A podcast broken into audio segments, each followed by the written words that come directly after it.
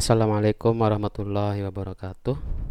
Alhamdulillah Alhamdulillahirabbil alamin wa bihi nasta'in wa ala umuri dunya waddin wa salatu wassalamu ala asrafil anbiya wal mursalin sayyidina wa maulana Muhammad. Amma ba'du. Halo teman-teman mahasiswa saya ucapkan selamat datang kembali di podcast saya kali ini. Dan di podcast saya kali ini kita masih uh, membahas tentang materi-materi perkuliahan karena sejauh ini kita masih menerapkan uh, perkuliahan dengan memanfaatkan uh, media online atau kuliah daring. Uh, dan di pertemuan kita kali ini kita akan membahas tentang uh, apa namanya cinta dan keluarga merupakan inti dari kehidupan yang lebih besar. Wah, kalau sudah bahas cinta dan kasih sayang saya sudah tidak perlu ragu lagi karena itu sudah dunianya. Kalian semua dunia kita terutama yang masih muda-muda nih yang masih yang masih uh, menghamba pada cinta dan kasih sayang. Meskipun pengetahuan tentang cinta dan kasih sayang masih sebatas pada nilai-nilai kebudayaan artinya cinta dan kasih sayang yang sekarang kita pahami masih sebatas tentang uh, kalau bisa saya katakan setuju dan tidak setuju gitu. Artinya cinta yang kita ketahui sekarang itu ya hanya sebatas uh, memiliki atau tidak memiliki misalnya atau sebatas menerima atau menolak. Nanti coba kita akan bahas bagaimana cinta dalam perspektif Islam. Namun uh, sebelum kita lebih jauh berbicara tentang materi kali ini, saya penting untuk menyampaikan uh, beberapa hal tentang perkuliahan online kita kali ini. Karena saya baru mendapatkan informasi bahwa uh, perkuliahan online kita akan berada di bawah Kementerian Keagamaan. Dan peraturan Menteri Agama baru keluar ternyata menuntut uh, kita para para akademisi, para pelajar, para dosen supaya perkuliahannya itu bisa memberikan uh, output terhadap apa namanya fenomena yang yang sekarang ini sedang kita hadapi gitu. Artinya sebisa mungkin perkuliahan itu memberikan paling tidak eh, berita-berita positif, tindakan-tindakan positif terhadap masyarakat, bagaimana menangani wabah pandemi ini supaya eh, apa namanya supaya tidak supaya tidak menjadi eh, belenggu di tengah masyarakat. Karena belakangan ini informasi-informasi yang kita terima semuanya tidak bisa disortir secara bersih artinya tidak semua informasi itu kita bisa katakan benar dan tidak semua informasi juga bisa katakan salah karena memang sifatnya informasi itu menyebarnya sangat cepat dan kita hampir tidak bisa membedakan mana berita yang benar dan mana berita yang buruk. Nah, di dalam perkuliahan ini apa kira-kira yang bisa kita lakukan untuk masyarakat?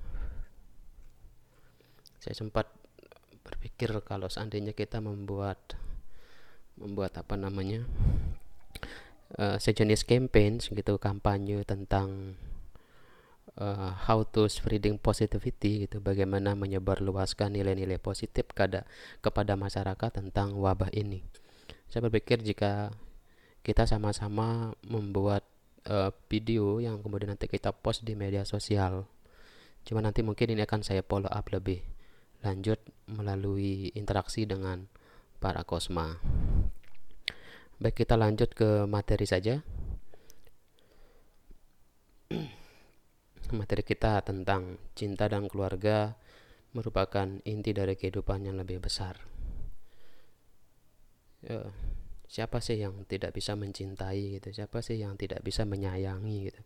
Yang namanya manusia itu pasti memiliki memiliki kemampuan untuk mencintai ataupun menyayangi gitu. Nah, mencintai itu adalah sikap sosial dan kebudayaan sebenarnya.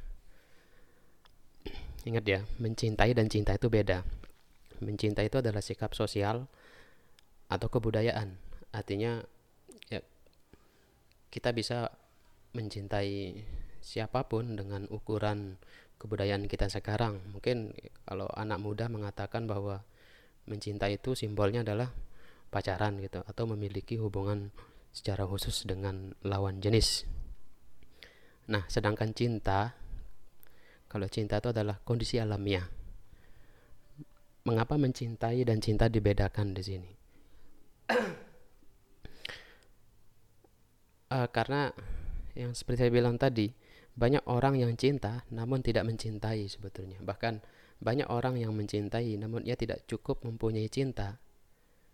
Kalau dalam kasus berkeluarga uh, mungkin karena ia terlanjur bersuami istri ya, maka ia berkewajiban mencintai meski cintanya tidak mencukupi. Uh, bisa dipahami sejauh ini. Mencinta itu adalah suatu uh, sikap sosial, tapi kalau cinta itu adalah kondisi alamiah. Cinta, orang semua punya, tapi untuk mencintai tidak semua orang bisa. Kira-kira seperti itu. Makanya kayak di dalam keluarga, di dalam Islam itu memiliki konsep yang namanya sakinah, mawadah, warohmah. Nah, di situlah dibagi-bagi perannya nanti mana yang mencintai dan mana yang cinta gitu. Bagaimana cara Rasulullah memberikan kasih sayang kepada umatnya?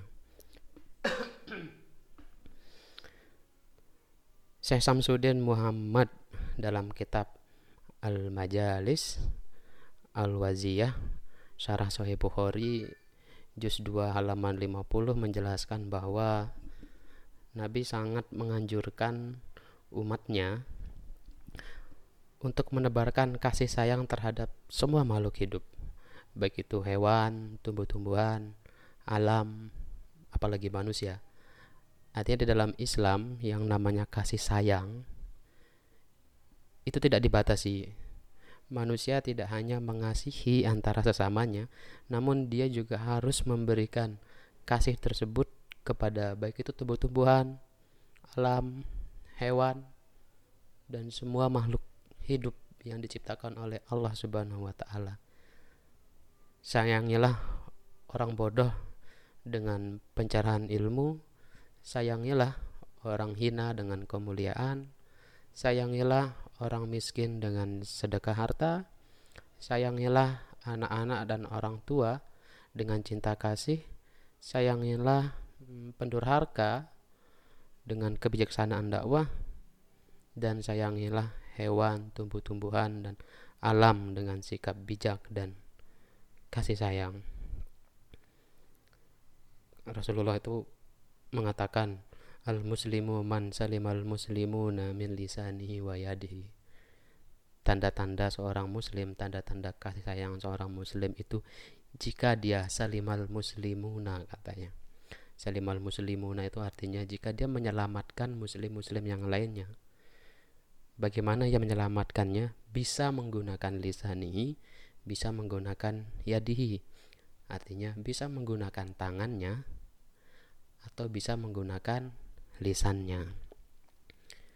Menggunakan tangan artinya mungkin kita berbuat secara konkret kepada uh, yang tadi kita sebutkan tumbuh-tumbuhan, alam, makhluk hidup.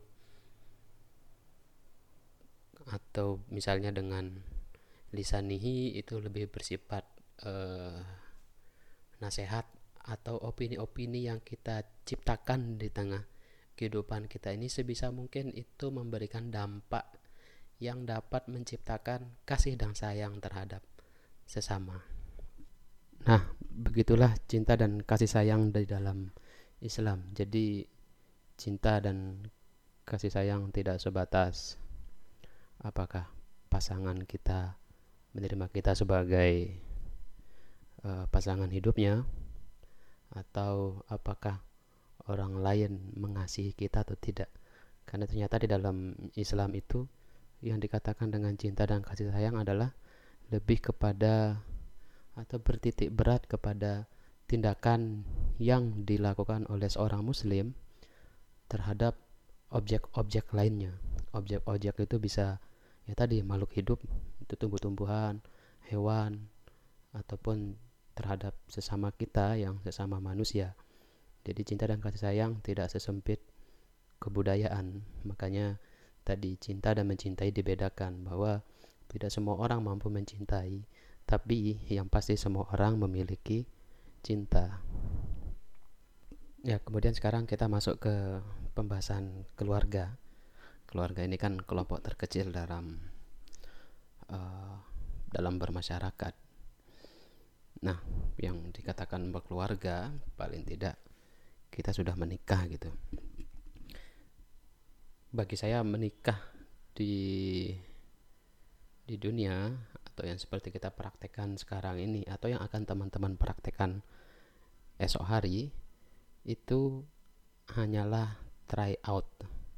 Menikah itu sebenarnya ada di akhirat dan menikah kita yang sekarang di dunia ini hanya sebatas try out. Mengapa saya bilang demikian? Karena di dalam Al-Quran Allah Subhanahu Wa Taala mengatakan bahwa wa mal hayati dunya illa lahwun wa la'ib katanya. Dan kehidupan di dunia ini hanya sebatas senda gurau dan main-main. Bahkan tidak hanya menikah bahkan semua uh, apa namanya semua jenis-jenis kegiatan bersosial kita itu semata-mata hanya lahwung walaib katanya. Hanya sebatas sendagoro dan main-main. Bukan itu kan artinya try out sebenarnya uji coba karena nikah itu adalah uji coba berarti kan ada yang lulus dan ada yang tidak lulus gitu. Yang lulus ya yang mereka yang mengamalkan sakinah mawadah warohmah. Sebab pernikahan itu tidak lain adalah tadabur. Seperti Allah katakan di dalam firman-Nya apala apala tatadabbarunal qur'ana katanya bukan apakah kamu tidak mentadaburkan atau tidak merenungkan bagaimana Quran itu berbicara. Begitupun dengan menikah. Makanya kenapa orang menikah meskipun dia adalah seorang ustadz, meskipun dia adalah seorang kiai, meskipun adalah seorang tuan guru, dia tidak akan lepas dari permasalahan-permasalahan kecil ataupun permasalahan-permasalahan besar yang ada di dalam uh, siklus berkeluarga mereka. Karena sekali lagi menikah itu adalah try out. Nanti kita lulus atau ndaknya itu tergantung kita. Apakah kita mau mengamalkan sakinah mawadah warahmah seperti yang pernah kita bahas di pertemuan-pertemuan sebelumnya. Apa itu sakinah apa apa itu mawadah apa itu rohmah gitu. Nah misal kita mengenal istilahnya itu kalau di akhirat ada dua surga dan neraka misalnya. Kita fokus kepada ruang lingkup surga dulu. Bagi orang-orang menikah bagi orang-orang yang alim bagi orang-orang yang selamat maka akan dijanjikan baginya adalah seorang bidadari. Sebenarnya meskipun di dalam Al-Quran tidak ada uh, terjemahan yang tepat mengenai apa itu bidadari yang kita pahami selama ini kalau laki-laki mendapatkan beda mendapatkan bidadari, lalu kemudian perempuan mendapatkan apa? Banyak orang mengatakan bidadara katanya. Tidak ada itu, tidak ada di dalam konsep Al-Qur'an kalau eh, laki-laki mendapatkan bidadari perempuan lalu mendapatkan apa? Tidak. Kalau di dalam Al-Qur'an itu dikatakan bukan bidadari, tapi dia di sana menggunakan istilahnya itu khur. Khur itu artinya lembut dan tajam. Itu sebenarnya definisi dari bidadari lembut dan tajam. Bukan bidadari itu uh, apa namanya bagian hanya bagian untuk laki-laki aja kalau di akhirat. Tapi bidadari itu adalah hur lembut dan tajam. Lembut sikapnya tajam pendiriannya makanya bagi orang-orang yang taat kepada Allah Subhanahu wa taala itu akan dijanjikan sebuah hur hur bisa diperoleh jika sikap kita lembut dan tajam. Lembut terhadap orang lain, terhadap tajam terhadap uh, pendirian dan ketakwaan kita misalnya. Orang menikah itu bekalnya adalah mawadah bekalnya adalah mawadah yaitu cinta atau harapan. Dan uh, yang diusahakan yaitu sakinah yang tadi bekalnya adalah mawadah apakah di dalam keluarga kita memiliki cinta dan kasih sayang atau paling tidak harapan. Kemudian yang diusahakan adalah sakinah.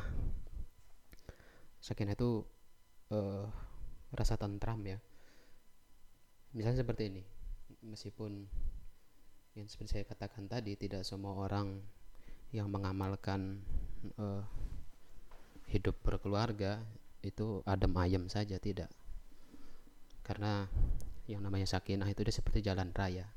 Ndak apa-apa ada asapnya sedikit gitu. Ndak apa-apa ada lubang-lubangnya sedikit.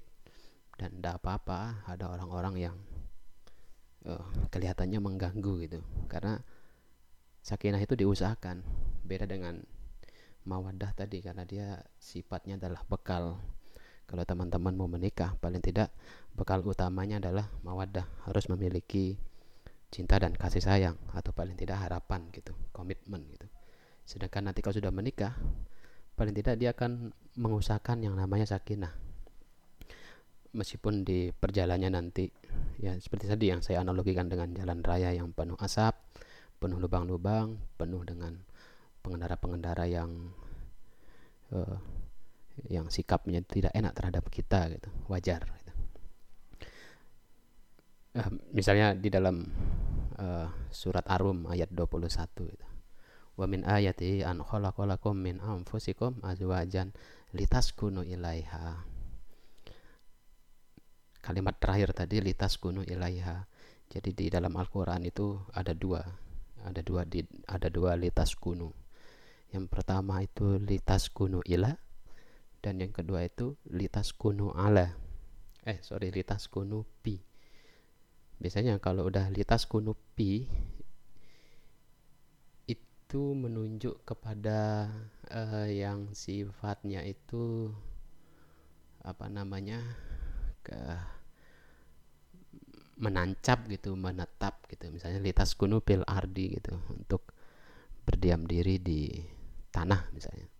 Misalnya pohon gitu yang tumbuh di di di atas tanah itu namanya litas kunufi atau kita yang yang uh, hidup bersosial di tengah masyarakat itu namanya litas kunufi sedangkan di dalam pernikahan dibedakan. Ada istilahnya litas kunu ilaiha. Wa min ayatihi an khalaqalakum min anfusikum azwajan. Kunu ilaiha azwajan istri-istri, pasangan-pasangan supaya kamu cenderung merasa tentram kepadanya. Nah, di dalam Al-Qur'an makanya dibedakan kehidupan bersosial di luar dan kehidupan di dalam keluarga itu. Dia memiliki bab-bab tersendiri di dalam Al-Qur'an, makanya dia menggunakan istilah litas kunu ilaiha gitu. Litas kunu ilaiha untuk mendapatkan apa? Ya, untuk mendapatkan rahmat Ingat ya, rahmat itu sudah pasti ada untuk semua manusia dan semua makhluk hidup. Bahkan iblis mendapatkan rahmat loh. Allah berjanji uh, tidak ada makhluk yang melata di bumi yang tidak dijamin dengan rahmat Allah. Jadi sebenarnya tidak perlu kita menjadi pencuri, tidak perlu kita menjadi pencopet, tidak perlu kita menjadi seorang kriminalitas atau bahkan sepahit-pahitnya kita tidak perlu cemas untuk menjadi orang miskin karena Allah sudah menjanjikan rahmat bagi kita. Ya kita ke mana pun sebenarnya tidak tidak perlu begitu takut dengan konsep yang diberikan oleh Allah Subhanahu Wa Taala tentang rahmat tersebut. Kita tidak akan uh, mati kalau tidak makan gitu. Kita tidak akan tidak akan susah kalau kalau hidup miskin. Karena Allah menjanjikan rahmatnya Nah, di dalam pernikahan tiga sesinya tadi mawadah, sakinah, mawadah, waromah. Yang bekalnya pertama adalah mawadah, uh, cinta, kasih sayang atau harapan. Yang diusahakan itu adalah uh, sakinahnya, bagaimana kita mengatur ritme berkeluarga, bagaimana kita memanage keluarga kita dengan baik, bagaimana kita uh, membimbing istri kita supaya nanti bisa bisa kita kita bersama-sama bisa selamat di akhirat dan kemudian rahmat adalah sebagai harapan di dalam keluarga. Bahwa sebesar apa pun permasalahan di dalam keluarga kita tidak perlu uh, terburu-buru untuk uh, apa namanya terburu-buru untuk uh, berburuk sangka terhadap Allah. Meskipun kita nanti hidup sebagai orang miskin kita tidak perlu takut sebenarnya kan ada rahmat di situ. Uh, oke okay, itu saja dulu untuk uh, materi kita kali ini. Saya berharap kelas daring ini uh, bersifat interaktif ya. Jadi tidak hanya saya saja yang apa namanya yang yang aktif secara uh, secara bermateri gitu tapi saya harapkan teman-teman juga bisa membeli, memberikan uh, respon terhadap materi. Sehingga minggu depan itu mungkin materinya adalah menjawab pertanyaan dari teman-teman. Nah berarti sekarang tugasnya adalah teman-teman membuat uh, pertanyaan untuk saya terkait tentang materi-materi yang sudah kita lakukan secara daring ini. Nanti silakan pertanyaannya itu di di post di di Google Classroom kita di media Google Classroom. Kemudian minggu depan beberapa pertanyaan yang saya pikir uh, menarik untuk dibahas akan akan saya jawab melalui media podcast ini. Baik itu saja dulu dari saya. Terima kasih kepada teman-teman. Terima kasih atas perhatiannya dan sudah meluangkan waktu untuk mengamalkan kuliah online kita kali ini.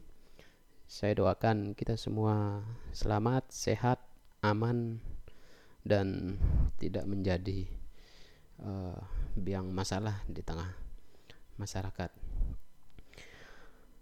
Akhirul kalam, barakallahu lana walakum ajma'in. Assalamualaikum warahmatullahi wabarakatuh.